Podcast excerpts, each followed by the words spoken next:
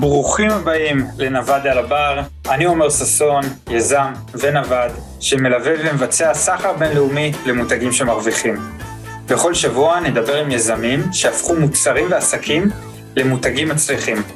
אז תמזגו לעצמכם משהו לשתות, ובואו נתחיל.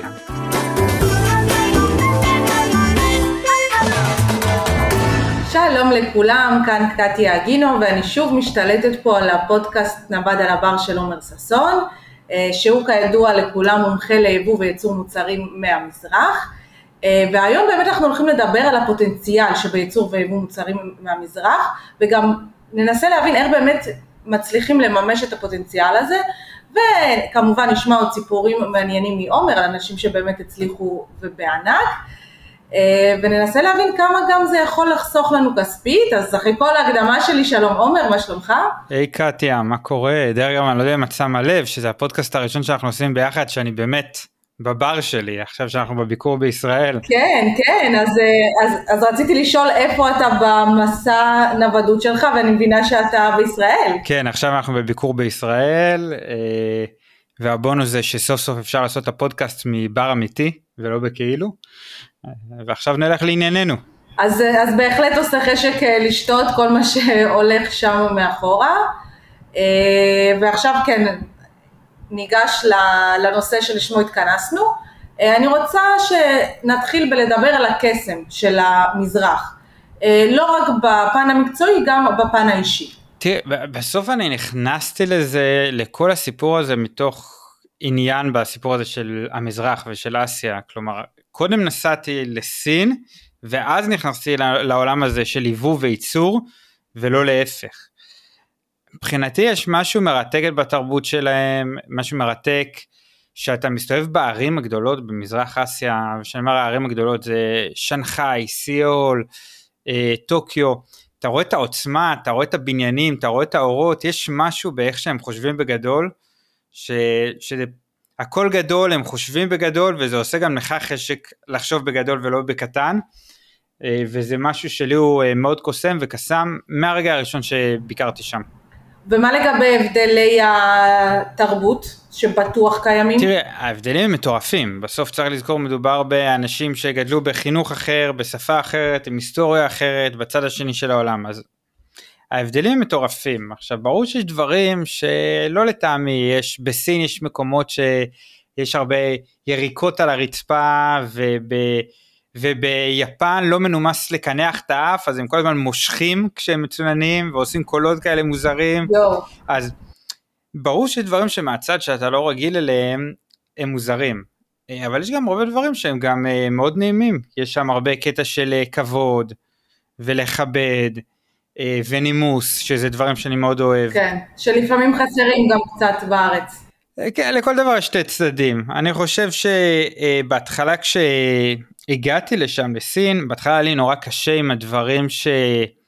שלא מתאימים לי, עם, התרבו... עם התרבות והדברים שלא מתאימים לי. ופשוט באיזשהו שלב למדתי לשחרר את זה וליהנות ממה שיש ומה שלא זה בסדר אני לא אני לא אגור בסין לנצח. כן, גם לומדים להכיר אחד את השני. כן, לומדים גם להבין ממה הדברים נובעים, ואז פתאום אתה מבין שיש דברים שאולי ברגע הראשון לך מרגישים נניח לא מנומסים, אבל כשאתה מבין למה הם עושים אותם, וזה מתוך מקום של נימוס, זה טיפה אה, מקל על הדברים. תן לי ככה דוגמה בפן העסקי אה, על הבדלים תרבותיים אה, ביפן וסין. וואו, יש המון. נתחיל מזה שלא מנומס להגיד לא. אז uh, צריך לדעת לא ללחוץ uh, ספקים לפינה עם שאלות של האם אתה יכול או לא יכול. אז זה דבר אחד, בעוד שבארץ אם תחשבי על זה, לא רק שאנשים יודעים להגיד לא, אנשים הרבה פעמים גם כשהם יכולים להגיד כן, הם יגידו לא רק בשביל לשמור על העצמאות שלהם נקרא לזה. כן, גם קצת לשמור על, ה, על הפוזה, יש משהו מאוד uh, של פוזה ב, ב, בישראל. של אני קשה להשגה. כן, יש גם את זה. אז זה דבר ראשון. אמ, אני חושב שיש מלא שינויים תרבותיים והכי חשוב זה להבין שהסיכוי שלכם, של כל אדם שלא נולד שם, אפילו לי שגרתי שם כמה שנים ואני מסתובב שם כל הזמן, הסיכוי לדעת את כל הניואנסים הקטנים הוא מאוד מאוד קטן. ולכן צריך כל הזמן לצאת מנקודת הנחה ואני חושב שזה איזשהו טיפ טוב שאנחנו לא מבינים ב-100% את הסיטואציה כמו שאנחנו חושבים שאנחנו מבינים, ושהצ... ושכל הזמן לצאת מנקודת הנחה שאנחנו והצד שמולנו לא קוראים את הסיטואציה באותה הדרך, וזה גורם הרבה יותר להיזהר ולא לדרוך על בעונות בטעות כן. ככה. בשביל שיתפסו אותך כאיש עסקים רציני שם, בסין למשל, אה, מה אתה צריך אה, להציג? אוקיי, okay, עכשיו נדבר ספציפית על סין ולא על שאר המדינות, כי זה קצת משתנה בין מדינה למדינה, אבל בסין בסוף אכפת להם, אה, זה מה שלימדו אותי בהתחלה, מהשטר הירוק, מהדולר, כמה אתה משלם. וכאילו יש אנשים שזה מובן להם מאליו, אבל זה לא באמת. כשאת פונה לספק, את רוצה כמה שיותר מהר לדבר איתו קונקרטית, מה את רוצה לקנות ממנו, ולדבר איתו ביזנס, ולא ללכת סחור סחור, מי אני, מאיזה חברה אני בא, אה, כדאי לקנות ממני, לא לחפור, כן. לא לחפור. כי זה, בואו בוא רגע נגיד, אם בסוף הם בראייה שלהם רוצים את השטר הירוק כמה שיותר מהר, אני מדבר בצורה שטחית, אבל גם בצורה עמוקה זה לא מאוד שונה מזה. אה, כל, כל דיון שאתם מנהלים, שהוא לא סביב זה, הם מדברים על מאיזה חברה אתם באים, למה כדאי לקנות להם למכור לכם, בלה בלה בלה, זה רק מרחיק אותם מלסגור את העסקה, אז זה לא כדאי. אז זה גם כן איזשהו טיפ, לגשת לביזנס כמה שיותר מהר ובזה להתרכז. אחר כך סגרנו עסקה, אחר כך אפשר לעבור לשיחות חולין, לא להפך. כן, אז חוץ מסין, כי בדרך כלל כשאומרים יבוא, ייצור באזור המזרח, כולם חושבים על סין. איפה עוד מייצרים באזור המזרח? אה, תראי, יש הרבה מדינות, ברוב המדינות במזרח. אני אגיד על המדינות שאני מתעסק בהן הרבה, וגם שהייתי בהן והתעסקתי בהן, אז חוץ מסין זה תאילנד, כן. זה וייטנאם וזה יפן. יש גם uh, תעשייה בדרום... ומה מייצרים? מה מייצרים בכל אחת מהמדינות?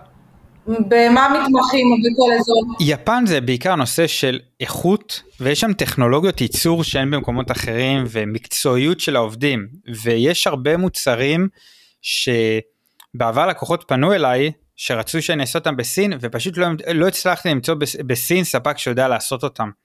הם היו אה, ברמה גבוהה מדי. זה לא רק אה, שטחי האיכות טובה או לא טובה. הדקויות שצריך הטכנולוגיה שצריך וביפן הם ממש יודעים לעשות את הדברים האלה. אז יפן, כל מה שהוא קשור לרמה אה, גבוהה, או מוצרים יוקרתיים שרוצים לעשות, או אה, קוסמטיקה דרך אגב, יש הרבה ביפן. ובעיקר אם אני צריך רגע לדייק את זה, יפן זה המקום למי שרוצה לייצר מוצר ייחודי, אה, שמאוד קשה להעתיק אותו. כי once עשית את כל התהליך פיתוח ביפן ומצאת ספק שיודע לעשות את זה ועשו את הפיתוח בשביל, בשבילך זה לא משהו שתוך יומיים ידעו להעתיק אותך שלא כמו בסין. אה, זה חשוב מאוד. אה, בתאילנד יש הרבה סיפור של יש גם טקסטיל יש גם נושא של עץ יש גם נושא של גומי יש גם הרבה מכוניות מיוצרות בתאילנד. אז מגוון די רחב, היתרון הגדול בתאילנד שהמינימום הזמנה הוא לרוב לא גבוה, שלא כמו בסין, תכשיטים יש שם שאפשר לעשות במינימום מאוד נמוך, וזה נותן פתח להרבה חבר'ה בתחילת הדרך שלא יכולים עכשיו לקנות אלף יחידות, אה, להתחיל לקנות מתאילנד בכמות קטנה. עכשיו העלויות הרבה יותר גבוהות מסין, אבל לפעמים כשמסתכלים כתקציב, אה, לפעמים עדיף לקנות 50 יחידות במחיר גבוה יחסית מאשר אלף יחידות במחיר נמוך, אם התקציב שלנו לא גדול. דרום קוריאה יש, תעשיית הקוסמטיקה בדרום קוריאה מטורפת. מלא מגיע מדרום קוריאה, אני חושב שאנשים לא יודעים את זה. מלא מותגים, אה, יש שם גם הרבה עניין של כאילו אה, אה, nature קוסמטיק, כאילו קוסמטיקה על בסיס טבעי, ללא כימיקלים וכל הדברים האלה. ש... גם בקוריאה יש קצת טקסטיל ואלקטרוניקה ועוד כל מיני דברים כאלה. סמסונג וכאלה ואחרים. אה. לכל מי שיש טלפון של גלקסי. אה, אתה מסתכל קדימה על אה, מדינות אחרות במזרח ולהתחיל להשפיע בהן? כן, גם, גם עם וייטנאם התחלתי בשנה האחרונה לעבוד אחרי שבילינו שם כמה חודשים. וכן, אני מבחינתי גם טיוואן רוצה להתחיל בקרוב, האמת ממש היום הזמנתי כמה דוגמאות משם. הודו הודו אני פחות uh, מתחבר למנטליות, יצא לי למכור ללקוחות בהודו, לא יצא לי לקנות מהם, יכול להיות שבקרוב נגיע גם לשם. מעניין, מעניין, אנחנו נמשיך uh, לעקוב. Uh, תגיד לי, כל מוצר עדיף לייצר באזור המזרח, או שיש מוצרים שאתה אומר אולי עדיף לייצר באירופה, בארצות הברית, אני לא יודעת, אולי ישראל אפילו, למרות שהכל יקר פה? אוקיי, okay, אני חושב ש... זו שאלה שאני מקבל אותה המון דרך אגב, האם משתלם לי לייצר בסין, כמה יותר משתלם לייצר בסין, מחפשים איזה משהו באחוזים, אני לא בטוח שזה השאלות הנכונות, אני חושב שהשאלה שצריך לשאול זה מה המטרה שלך. כי אם המטרה שלך היא עכשיו לנסות לעשות איזה מכה פעם אחת לייבא 100 ארנקים ולמכור אותם במכפלה וזהו, אני לא חושב שזה שווה את כל הטרחה הזאת. למצוא ספקים, לבדוק את האיכות, יבוא, מכר. אז פה אני חושב שהעניין של המשתלם או לא זה במה המטרה, כי בגדול אם המטרה שלך היא לטווח ארוך, ברוב רוב רוב המקרים זה משתלם, בסדר? גם אם אתה עם תקציב קטן, שווה לעשות את העבודה, למצוא את הספק, לייבא ולאט לאט להגדיל רווחיות, כן זה משתלם. כשהמטרות הן קצרות טווח, ש- שאתה לא מנסה להקים מותג סלש לבנות משהו שהוא קבוע, אז אני חושב שזה לא משתלם אל מול המאמץ ואל מול הסיכון, כי יש סיכון ומאמץ שכרוכים בזה. אבל אם בכל זאת אני, אה, כן אנשים רוצים לשמוע מספרים, אני יודע להגיד שללקוחות שלי, יש לי הרבה מהלקוחות שלי היו מייצרים במדינות שלהם, המדינות שלהם זה לא רק ישראל, גם אנגליה, אוסטרליה, ועזרתי להם להעביר את זה למזרח, אז היה ירידת עלויות של בין 30 ל-100 ומשהו אחוז, שזה מטורף, זה המון. זה המון, זה משנה חיים. ובגלל זה אני אומר שזה הכל תלוי מה המטרות שלך. אבל נגיד, בטח ב- בישראל אפילו יותר יקר מאשר באירופה ואוסטרליה וכל מה שציינת. תראה, אני לא ייצרתי ממש משהו בישראל, אני צריך לחשוב על זה, לראות שלא שכחתי משהו, אבל בגדול נראה לי שלא ייצרתי שום דבר בישראל. אה, כן, ישראל זו מדינה יקרה, יש לה את היתרונות שלה, ישראל יודעים אה, מה שנקרא לעשות אה, תוכנה בכלום כסף. ספציפית בייצור, במוצרים שאני מתעסק איתם זה לא דברים ש... זה לא דברים שמשתלם לעשות אותם בישראל, אלא אם כן, אני אגיד מתי זה כן משתלם בישראל.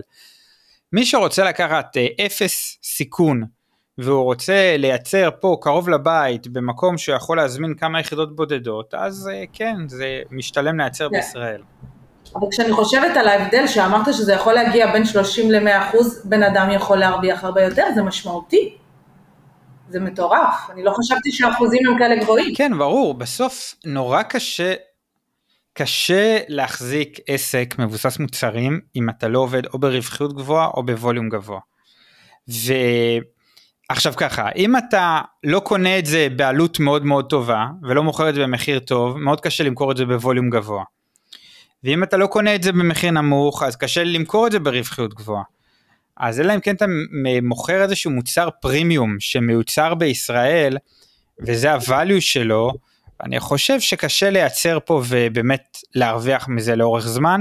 יש כאלה שמצליחים, אבל אני חושב שגם נסתכל על כמה ברנדים מאוד מאוד גדולים, שייצרו בתוצרת מקומית, עכשיו מקומית זה יכול להיות ארצות הברית, אוסטרליה, אנגליה, גם הם בשלב מסוים עברו החוצה. ואני אגיד שממש עכשיו חזרתי מיפן חודשיים וחצי שגם שם יש הרבה אה, ייצור מקומי שם ממש יש יותר מבישראל וגם שם הרבה מהחברות הגדולות שגם חלקכם מכירים אה, אני לא אגיד שמות אבל שביקרתי שם גם שם למדתי שבאיזשהו שלב הם עברו לייצר בסין הם עדיין עושים את זה בהשגחה יפנית אבל מייצרים את זה בסין כי בסוף לטווח הארוך רווחיות זה דבר שהוא מאוד מאוד חשוב. כן, אני באמת רוצה שנתעכב על יפן, אה, כי אמרת אה, שביפן גם מייצרים הרבה דברים איכותיים. עכשיו, בכללי כשאני חושבת אה, על המזרח, אני מסתכלת על עצמי כצרכנית. למשל, אני מזמינה מאלי אקספרס, אני מזמינה משיין, דברים שאתה מכיר, ובעיניי זה תמיד נתפס כמוצר זול. אז קשה לי לשים הרבה כסף על מוצר משם, כי אני תופסת את זה כמוצר זול, שאני אשתמש בו פחות זמן, ובסדר, נמשיך הלאה. אוקיי, okay, האמת שזו נקודה מעולה. אני חושב שבאמת להרבה אנשים אה, נתפס אה, סין זה מוצרים זולים ובסוף זה נתפס אה, מה שנקרא זה המיתוג שהסינים יצרו בזמנו עכשיו הם עובדים מאוד קשה כדי לשנות את זה. אני חושב שאנשים מבלבלים את המילה איכות שהיא בעצם מתחלקת לכמה דברים יש את החומרי גלם יש את התהליך בקרה לייצור, ו, ויש את המוצר עצמו של איך הוא בנוי ומהונדס, ואנשים עושים את זה בלבול. עכשיו, עלי אקספרס, זה ה marketplace, הוא מנסה את רוב המוצרים למכור בכמה שיותר זול. אבל בסוף, את רוב המוצרים שלי אני מייצר בסין, גם את המוצרים היוקרתיים שבהם. כשאתה עושה תכנון מוצר טוב, או שאתה לוקח מוצר מדף, זה גם יכול להיות, אבל אתה בוחר את המוצר הטוב, ואתה מוצא ספק טוב, ואתה יודע שהוא משתמש בחומרי גלם טובים, ואתה עושה תהליך בקרת איכות מוקפד, אז מה שנקרא, הלקוח הרגיל לא יודע להבדיל אם זה בא מסין או לא, כמה מהברנדים הכי גדולים בעולם וגם הכי יוקרתיים בעולם מייצרים גם בסין. אז לא, אבל מספיק שתיקחו, תלכו להרבה חנויות יוקרה ותהפכו את המוצר, תראו מאחור שבטיקט רשום אה, made in China, בסדר? גם אפל, אה, יש מצב שהם כבר זזו, אבל היה להם צ'יפים שהיו מיוצרים בסין. אז, אז בסדר, חברות בסדר גודל כזה, אז אני חושב שיש פה גם עניין של לא לזרוק את האחריות. אם אתם על זה, ואתם יודעים מה לבדוק ואיך לבדוק ולבחור את הספק הנכון, אתם יכולים לייצר בסין מוצרים איכותיים, יוקרתיים וטובים. אם אתם בקטע של שגר ושכח, אז כן, סין זה לא המקום. עדיף ללכת למדינה כמו יפן, שיודעת להבטיח איכות, אה, גם בלי שתהיו על זה מה שנקרא. כן, וזה מוביל אותנו לדבר על מוצרי פרימיום. אה, משתלם לייצר מוצרים כאלה, או שעדיף ללכת על כזה פיצ'פ קייס זולים ולעשות מהם את הרווח? שאלה מעולה, כי אני התחלתי במוצרים זולים. בסדר? אה, וגם רוב החבר'ה שפונים אליי הרבה פעמים אומרים לי המתחרה שלי מוכר ב-X אני רוצה להגיע ביותר נמוך. אה, ואני לאורך זמן עשיתי את זה וזאת דרך אגב הייתה ההתמחות שלי הייתי יודע היו פונות אליי חברות גדולות היו מראות לי מוצר והייתי יודע לייצר להם את אותו מוצר בקצת יותר זול ובאיכות קצת יותר גבוהה כאילו לתת טיפה יותר value וטיפה להוריד את המחיר.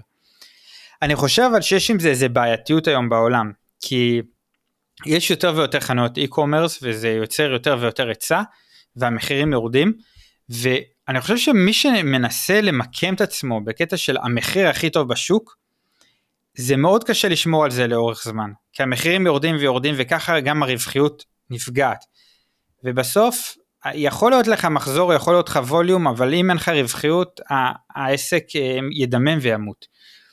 ואני רוצה רגע להתייחס לזה כי אנשים אה, רואים חברות כמו הכל אה, one dollar tree בארצות הברית, אה, מקסטוק, אה, וולמארט ורואים שמוכרים ממש בזול כנראה שהם קונים בזול אז אומרים זה מעולה. אבל צריך רגע לעשות ההפרדה החברות האלה יש להם מערך קניינות מטורף. הם יודעים לקנות ממש ממש בזול כל שלב בשרשרת נעשה אה, בצורה מיטבית מבחינת עלויות. אז הם יכולים לקחת את המחיר למטה, הם יודעים לקנות בזול, אבל גם הם יודעים לקנות בזול, אז הם גם יכולים למכור בזול ולהרוויח. אני חושב שהאדם הרגיל שהיום נכנס ורוצה לייצר מוצרים משל עצמו, בעיניי הרבה יותר עדיף ללכת על המקום הזה של הפרימיום, לייצר משהו שהוא הרבה יותר טוב במחיר יותר יקר, זה אולי בהתחלה ייקח טיפה יותר זמן למכור, זה יהיה יותר קשה למכור, אבל בסוף כל מכירה תביא לך מספיק רווחים שיכולים להזרים כסף לעסק ולהגדיל את העסק. והיום כשאני, המוצרים החדשים שאני עובד עליהם הם לגמרי בקטגוריה הזאת ולא בקטגוריה הזולה. באמת, ואני מניחה שלא מוכרים אותם רק באלי אקספרס, כי שוב אני חוזרת לנקודה שזה נחשב מקום זול, איפה אפשר עוד למכור?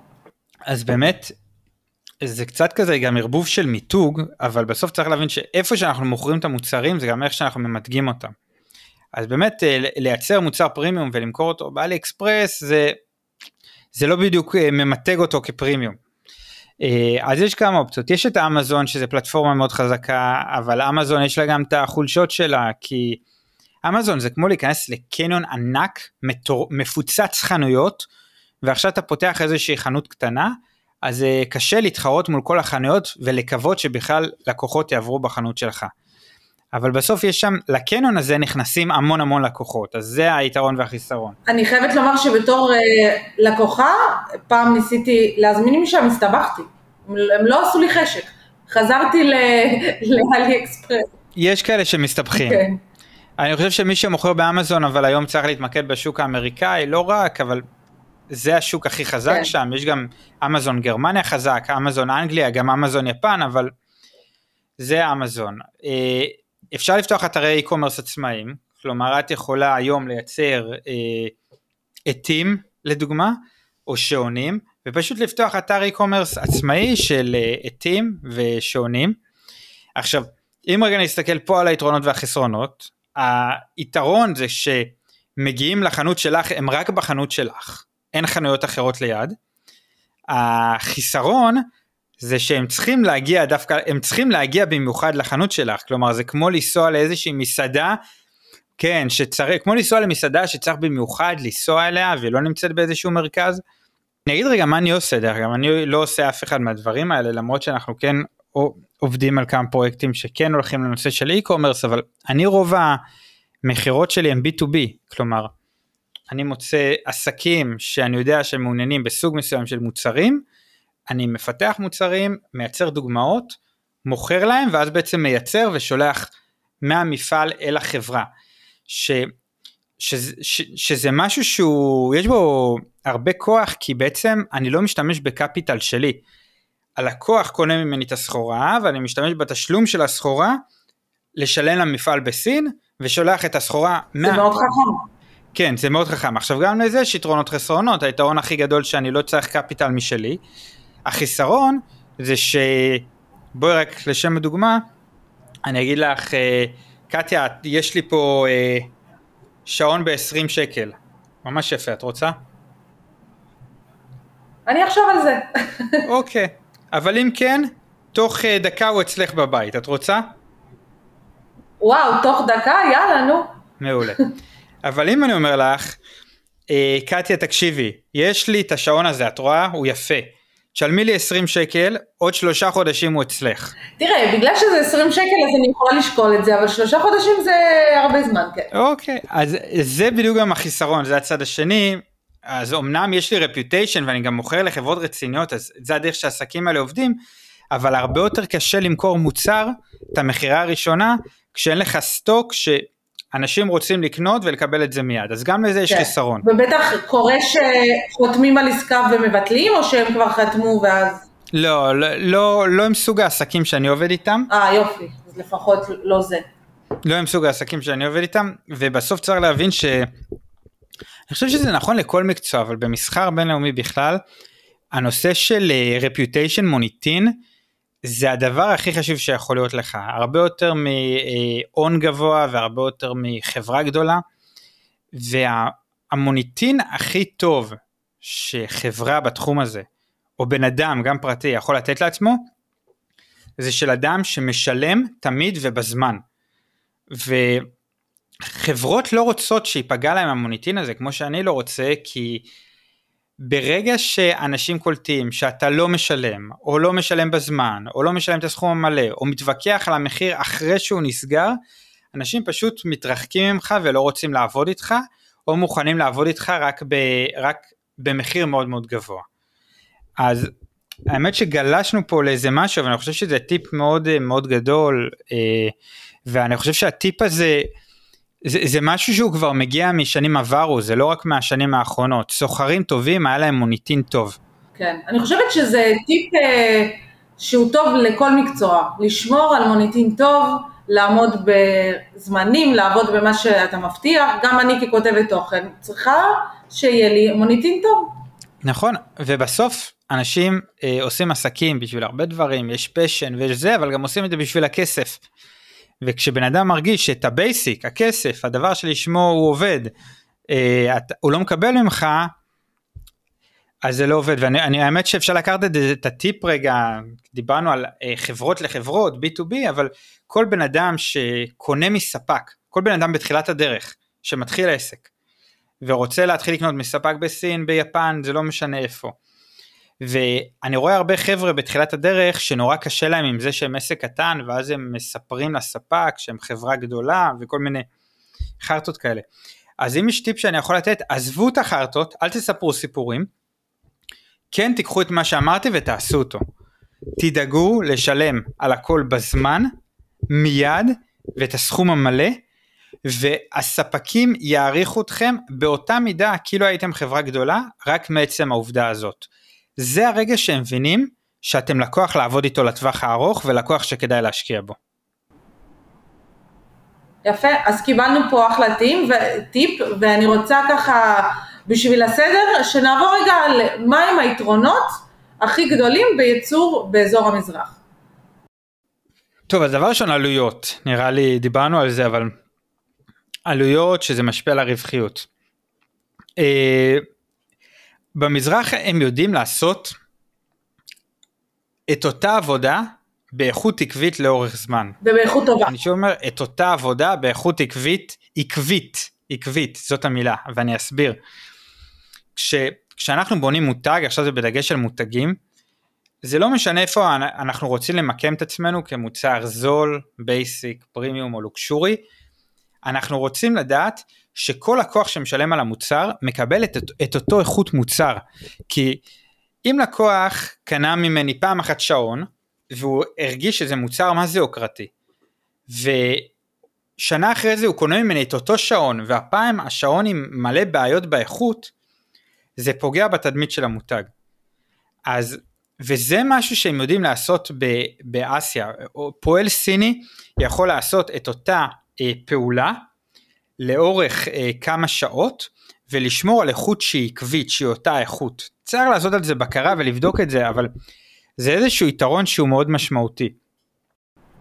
כן, אבל מעבר לזה, זה גם איכותי? שוב, אני, אני אומר קודם, האיכות בסוף נקבע, נקבעת מחומרי הגלם, מאיכות הספק ומבקרת האיכות שמבצעים.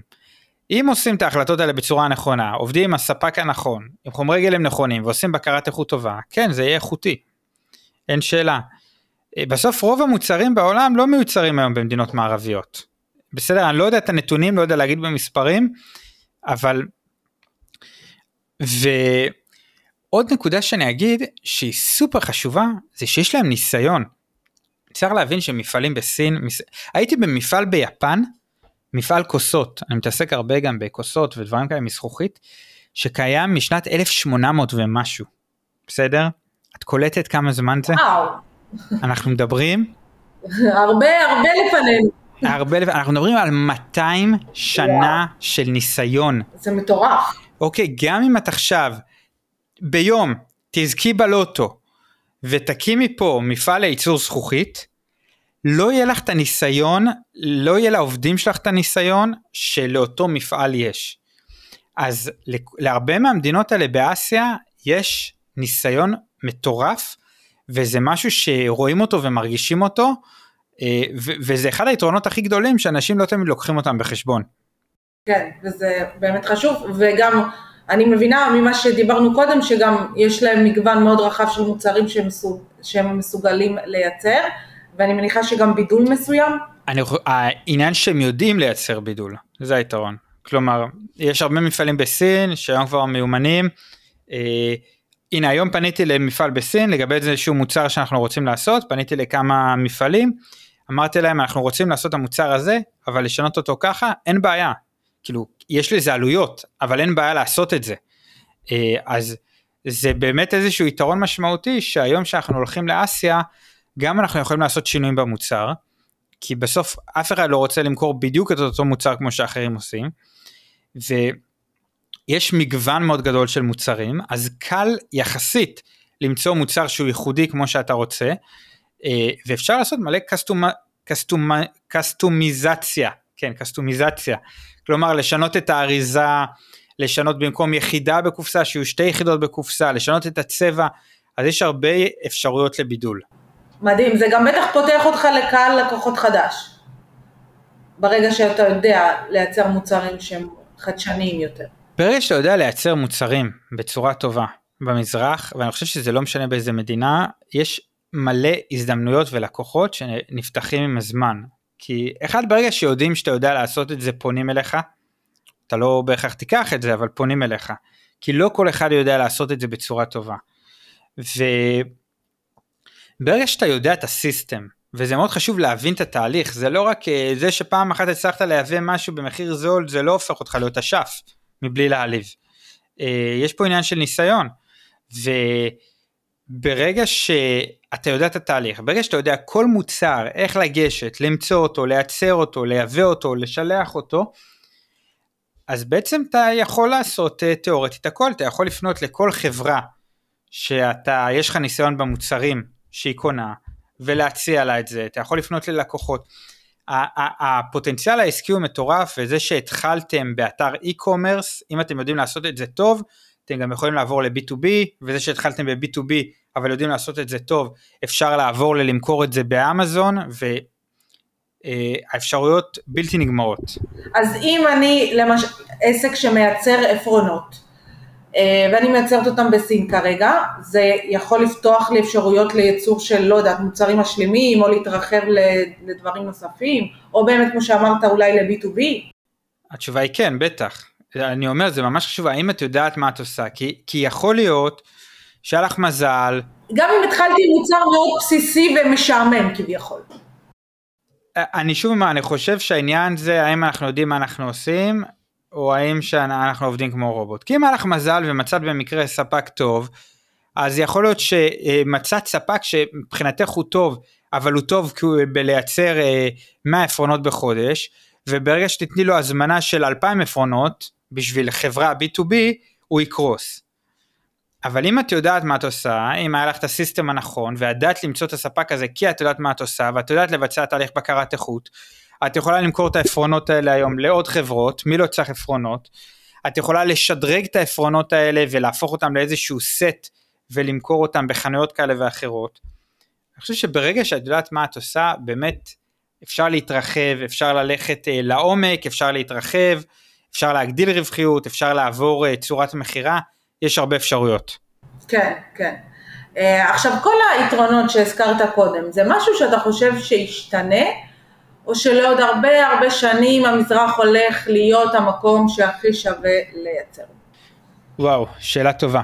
אה, תראי, אחת הסיבות שהיה לי חשוב לבדוק בעשרה חודשים האחרונים מפעלים בכל כך הרבה מדינות באסיה שהם לא סין, זה כדי לראות בעצם לאן הרוחות נושבות. עכשיו, יש איזשהו ייצור בדרום אמריקה שהוא מתחזק, אבל בסוף גם בדרום אמריקה את רוב חומרי הגלם הם קונים מהמזרח, בסדר? זה דבר אחד. דבר שני, כמו שאמרתי, יש את נושא הניסיון. גם אם מחר יפתחו במקסיקו איזשהו מפעל, וימכרו אותו בטיפה יותר זול ממה שמוכרים בסין, אני כנראה אעדיף ללכת לאותו מפעל בסין שעושה את זה כבר 60 או 70 שנה, בסדר? אמ, ואני חושב שרבים כמוני. אז אני לא חושב שזה ישתנה כל כך מהר, ובסוף צריך לזכור שאם ניקח שנייה את יפן, ניקח את וייטנאם, ניקח את תאילנד, ניקח את טיוואן, יש שם גם אה, מפעלים חדשים שמוקמים כל הזמן, כלומר זה לא שמדובר רק על תעשייה ישנה שיום אחד הכל יחליד שם ו, וזהו. גם הם מתפתחים, גם הם הולכים לתחומים חדשים, אז אני לא יודע להגיד מה יהיה בעתיד, אני יודע להגיד שאני את הצ'יפים שלי כרגע שם על המזרח, בסדר? אני את הז'יטונים שלי שם שם, ושם אני משקיע את הזמן שלי, ושם אני לומד, ושם אני עובד. והיית שוקל אה, למשל אה, לבחון את האופציה של דרום אמריקה? תראה, יכול להיות שמתישהו, כן? אה, אם אני אראה שיסתדר, תראה, בסופו של יום, את העשרה חודשים האחרונים, תאורטית הייתי יכול לבלות בדרום אמריקה ולא באסיה. אני כרגע מרגיש שלאסיה יש יותר מה לתת לי, אה, גם בטווח הקצר וגם בטווח הבינוני, וייתכן שגם בטווח הארוך, אז אני כרגע משקיע שם. אם אני ארגיש בהמשך שהזמן מאפשר, אני אבחן את זה. אבל uh, אני חושב שיש שם פוטנציאל, הוא פשוט עבורי הוא כרגע לא גדול כמו במזרח.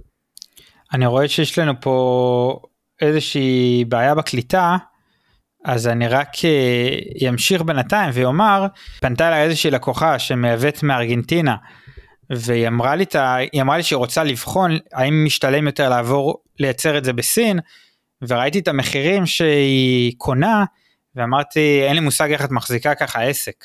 כאילו המחירים כל כך, מה זה יותר גבוהים? פי חמש. כן, וזהו, בקיצור, אז בסופו של דבר, כרגע בעיניי המזרח, שם הפוטנציאל הגדול. עבורי בכל אופן. כן, כן, טוב, אתה גם מכיר, אתה באמת אה, מטייל שם המון, אז אה, אין משהו שמשתווה לניסיון ב, בסופו של דבר, ואם אתה מכיר ויודע שמישהו איכותי, אז אה, אין דבר שמתחרה עם זה, וגם ציינת שהם גם בדרום אמריקה הם משתמשים בחומרים שמגיעים מסין, אז כבר יותר פשוט כבר נראה לי לייצר שם. אני רוצה לשאול אותך עכשיו, מה, מה בן אדם צריך בשביל להצליח ביבוא וייצור מהמזרח? האמת שזאת שאלה טובה. כי הרבה פעמים באמת אה, אנשים פונים אליי אומרים יאללה אני רוצה לייבא ואני אומר רגע רגע רגע שנייה יש כמה דברים ש, שאתם צריכים להבין זה לא בשבילי. אז באמת אחד צריך איזשהו תקציב בסדר בסוף זה עולה משהו. אה, איזה גודל תקציב זה קשה להגיד כי זה תלוי בכמות ואני אגיד שאפשר לעשות את זה גם בתקציבים יותר נמוכים כן אבל אני אגיד שמסכומים של אה, 12 אלף דולר תקציב, היבוא כבר, היבוא או הייצור מתחיל להיות ממש ממש משתלם. אפשר לעשות את זה בפחות, בטח אם מדובר במוצר זול, אה, אבל מ-12 אלף דולר זה ממש ממש משתלם, 12-11. אה, בסוף אבל הבן אדם צריך או המון כסף, או אה, זמן והתמדה, או שילוב של ביניהם, ואני אסביר, זו נקודה מאוד חשובה. אם יש לך המון כסף, כמו כמה מהתאגידים הכי גדולים בעולם, שבשביל חלקם אני גם uh, מייצר, הם פשוט משלמים למישהו כמוני ואני עושה להם את העבודה, ואחלה, הם לא משקיעים בזה זמן.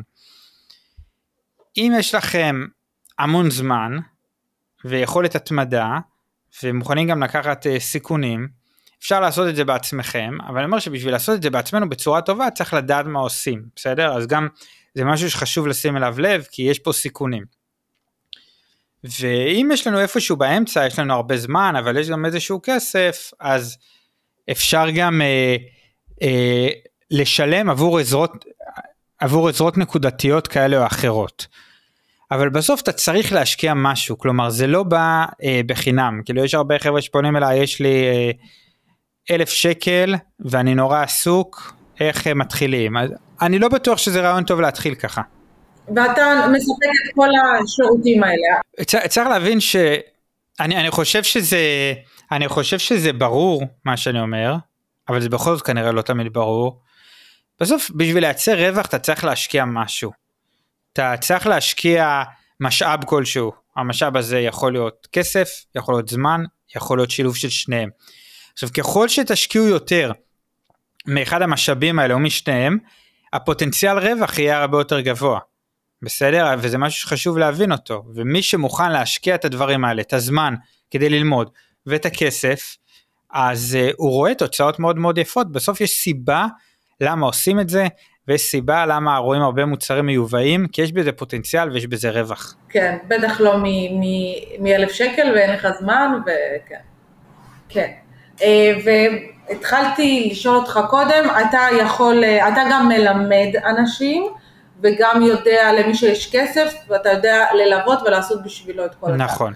אני אה, מלווה, אני לא מלמד, חשוב להגיד, לפחות נכון להיום, יכול להיות שבהמשך אני אחליט לפתוח קורס, כרגע זה ליווי, והסיבה זה שביבוא יש הרבה בלת"מים, ובקורס דיגיטלי זה משהו שקצת קשה לדעת איך להתמודד עם הבלת"מים האלה, אז אני גם עושה ליווי, מלמד את הבן אדם לעשות, אבל אני איתו גם בתהליך, וגם עושה את כל העבודה, שזה אני עושה בעיקר עבור חברות גדולות בווליומים שהם אה, מאוד מאוד גדולים. אה, ומבחינת, אתה יודע, ציפיות וסובלנות, מה מישהו שנכנס לעסק הזה צריך לקחת בחשבון? זה כל הזמן מחזיר אותי למה המטרה שלנו, בסדר? כי יהיו תקלות בדרך, יהיו, אני חותם לכם. גם לי עם הרבה ניסיון מדי פעם יש תקלות. עכשיו אם אתם פה לטווח הארוך אתם תדעו להתמודד עם התקלות האלה. אם אתם פה לטווח הקצר ויש פה איזושהי ציפייה שבפעם הראשונה תעשו מיליונים אז כנראה שגם נכונה אכזבה. יכול להיות uh, מזל אני לא יודע אבל uh, עם, עם ציפיות באות אכזבות. אז אני אומר ברור, מי שעושה את זה ברור שהוא רוצה להרוויח זה הסיבה שעושים את זה אבל חשוב לדעת שזה משחק לטווח ארוך, כי במסחר אתה לא תמיד יכול לעבוד ברווחים של אה, אלף שקל ליחידה, הרבה פעמים הרווחים קטנים ויש פה משחק של ווליום ולאט לאט אתה צובר איזשהו קפיטל עם הדבר הזה. אה, סבלנות, כן, סבלנות אני חושב שזה חשוב לכל החיים. דרך אגב, אני אין לי כזה הרבה סבלנות, חשוב לי להגיד. אבל אני מכריח את עצמי, כי אין ברירה, זה חלק מהמקצוע. אז, איך, אז איך אתה מצליח? למדתי שאין ברירה, שספק אה, אומר לי שהוא, שההזמנה מתעכבת ביומיים, זה לא ממש יעזור שאני אה, אתעצבן, זה פשוט לא יעזור. אה, אז ככה למדתי, שלפעמים הלחץ הזה הוא רק מזיק, ולמרות שאני רוצה הכל כאן ועכשיו, ואני רוצה הכל כאן ועכשיו דרך אגב, אני פשוט מכריח את עצמי לחכות. כן, יפה, יפה. וככה, אני ככה אקשה עליך עוד, כי אני מניחה שזה שאלות שעולות למי שצופה ומאזין לנו. אה, אם אני נורא רוצה להיכנס לעסק הזה של אה, למכור מוצרים, אבל אין לי שום רעיון של איזה מוצר אני רוצה למכור. או אפילו, אתה יודע מה, או שאני לא יודעת בכמה לתמחר את המוצר, איך אני ארוויח, האם יותר זול, האם יותר יקר, מה אתה ממליץ?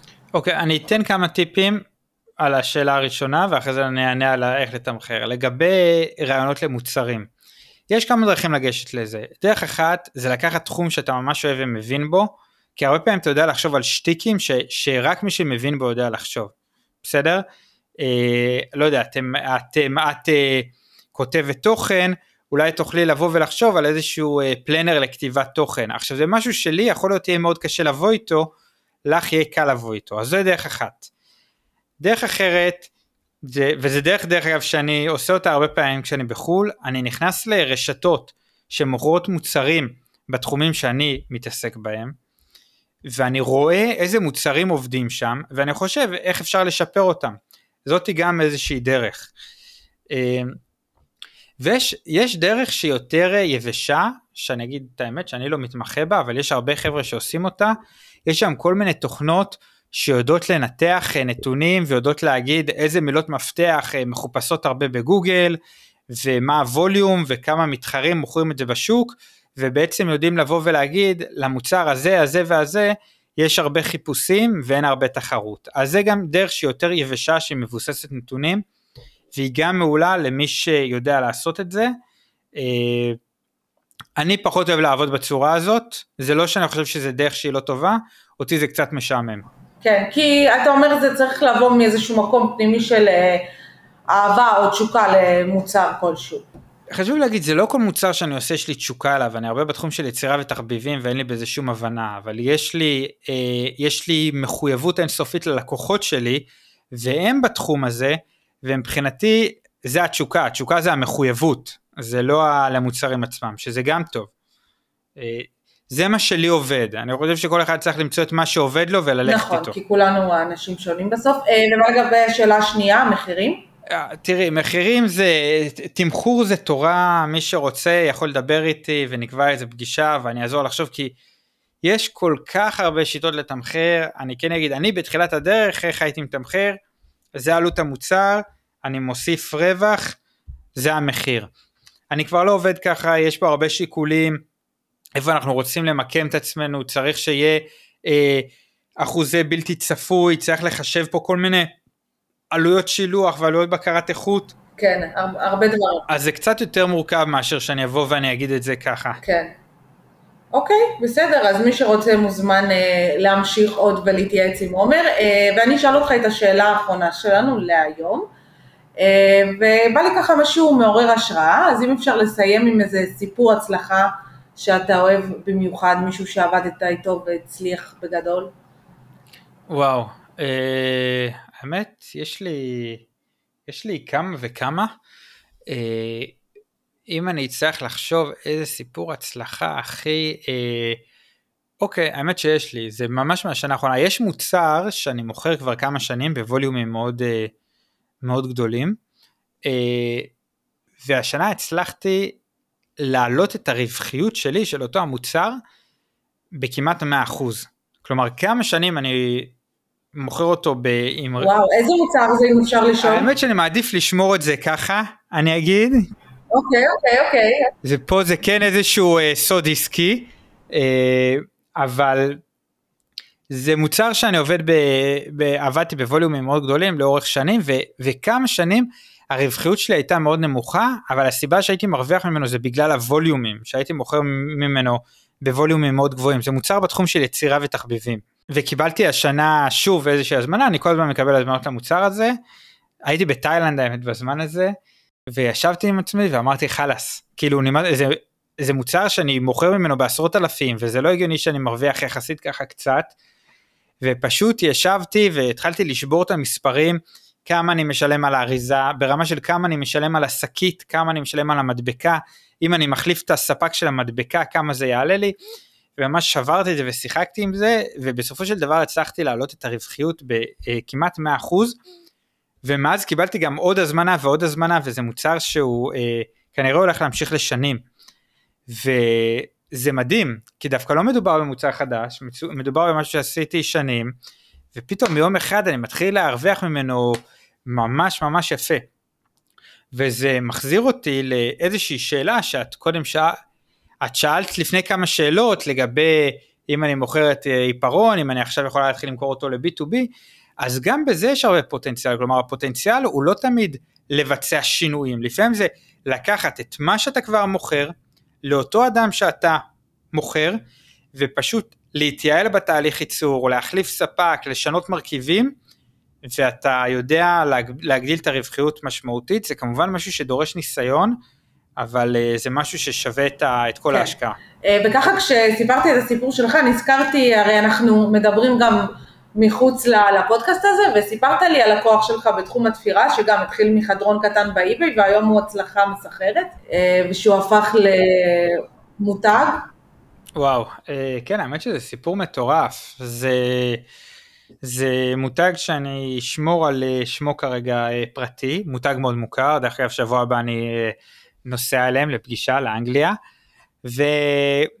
והם התחילו מחדרו, הם התחילו מחדרון, ממש חדרון ב... במחסן, היה להם חדר פנוי והם התחילו למכור כל מיני מוצרי תפירה באיביי שהם היו מוכרים, מ... כאילו הם היו קונים מחברות אחרות ומוכרים, מחברות באנגליה.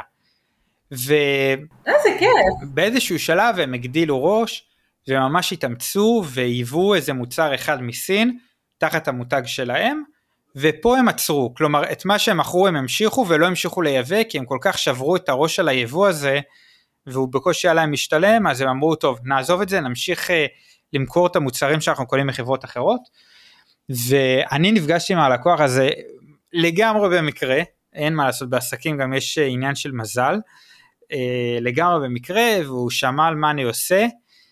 והוא אמר תשמע אה, יש איזה מוצר שאנחנו ניסינו לייבא והוא לא היה רווחי בוא, בוא תגיד לי אם אתה יכול. וכאילו בגדול באותו זמן לא כזה רציתי להתעסק בזה אבל בכל זאת עשיתי איזה בדיקה שלחתי לו מחיר הוא אמר תשמע זה מחיר מטורף. ואז הוא קנה ממני אלף יחידות של המוצר הזה המוצר הגיע הוא מכר אותו ואז הוא אמר טוב טוב אנחנו צריכים להגדיל את הסיפור הזה והוא העביר לי סל מאוד גדול של מוצרים, שלח לי מלא דוגמאות, אמר לי אני רוצה שתמצא לי אותם, אנחנו רוצים לעשות את זה תחת המותג שלנו. מצאתי, שלחתי מחירים, קנו, וככה לאט לאט הם גדלו. ומחברה שמוכרת אה, 99%, 99% מהמוצרים שלהם היו של מותגים אחרים, היום 90% מהמוצרים שהם מוכרים זה תחת המותג שלהם, ויש עוד 10% שהם מוכרים של מותגים אחרים.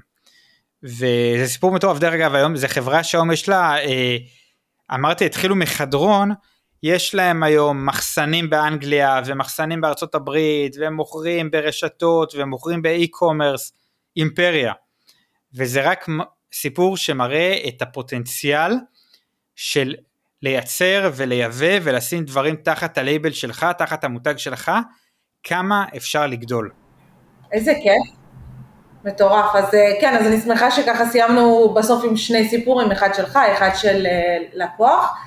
אה, ועומר, תודה רבה לך שוב על כל המידע, על כל הסיפורים, תמיד מעניין איתך. תודה, תודה. אני רגע לפני שנסיים, אני רוצה להוסיף משהו, כי תמיד כשאני מראיין, אני נותן לאנשים איזה במה חופשית של דקה, אז אני אקח את הבמה חופשית לעצמי. ואני רוצה להגיד ככה. זה מקצוע שיש בו סיכונים, חשוב להבין אותו, יש בו סיכונים והוא דורש זמן והוא דורש השקעה, אבל מי שעושה אותו נכון, מי שבא לשחק לטווח הארוך, מי שמוכן להשקיע, זה מקצוע עם המון המון פוטנציאל, גם רווחי, גם עסקי, להקים מותגים, אה, באמת זה מקצוע שאפשר לגדול בו מקטן, אפשר להגיע לממדים מאוד מאוד גדולים, אז אני חושב שמי שזה מדבר אליו, באמת באמת, והוא פה לטווח הארוך, זה בהחלט משהו ששווה ללמוד ולעשות אותו, ואני אסיים ואגיד שהערוץ יוטיוב שלי, האינסטגרם, הפייסבוק, הלינקדאין, עכשיו התחלתי גם בטיק טוק, אני שם שם מלא מלא מלא תכנים, כן, לאיך לייצר, איך לייבא, מוזמנים לעקוב, מוזמנים ללמוד, ומאחל הרבה הצלחה לכל מי שיחליט להיכנס לזה. תודה, אז אני אצטרף לאיחולי הצלחה ותעקבו אחרי עומר, אנחנו מבטיחים, גם הוא מבטיח, גם אני אעשה איתו תוכן מעניין, אז אה, כן, אז תעקבו. טוב, קטיה, תודה רבה, ויום נהדר. תודה רבה גם לך, ותודה רבה לכל המאזינים, להתראות בינתיים. עד כאן להיום. תודה שהייתם איתנו, ואם אתם חושבים על מישהי או מישהו אחד שהפרק הזה יכול לעזור לו, ממש אשמח שתשלחו לו את הפרק. תודה רבה, ונתראה בפרק הבא.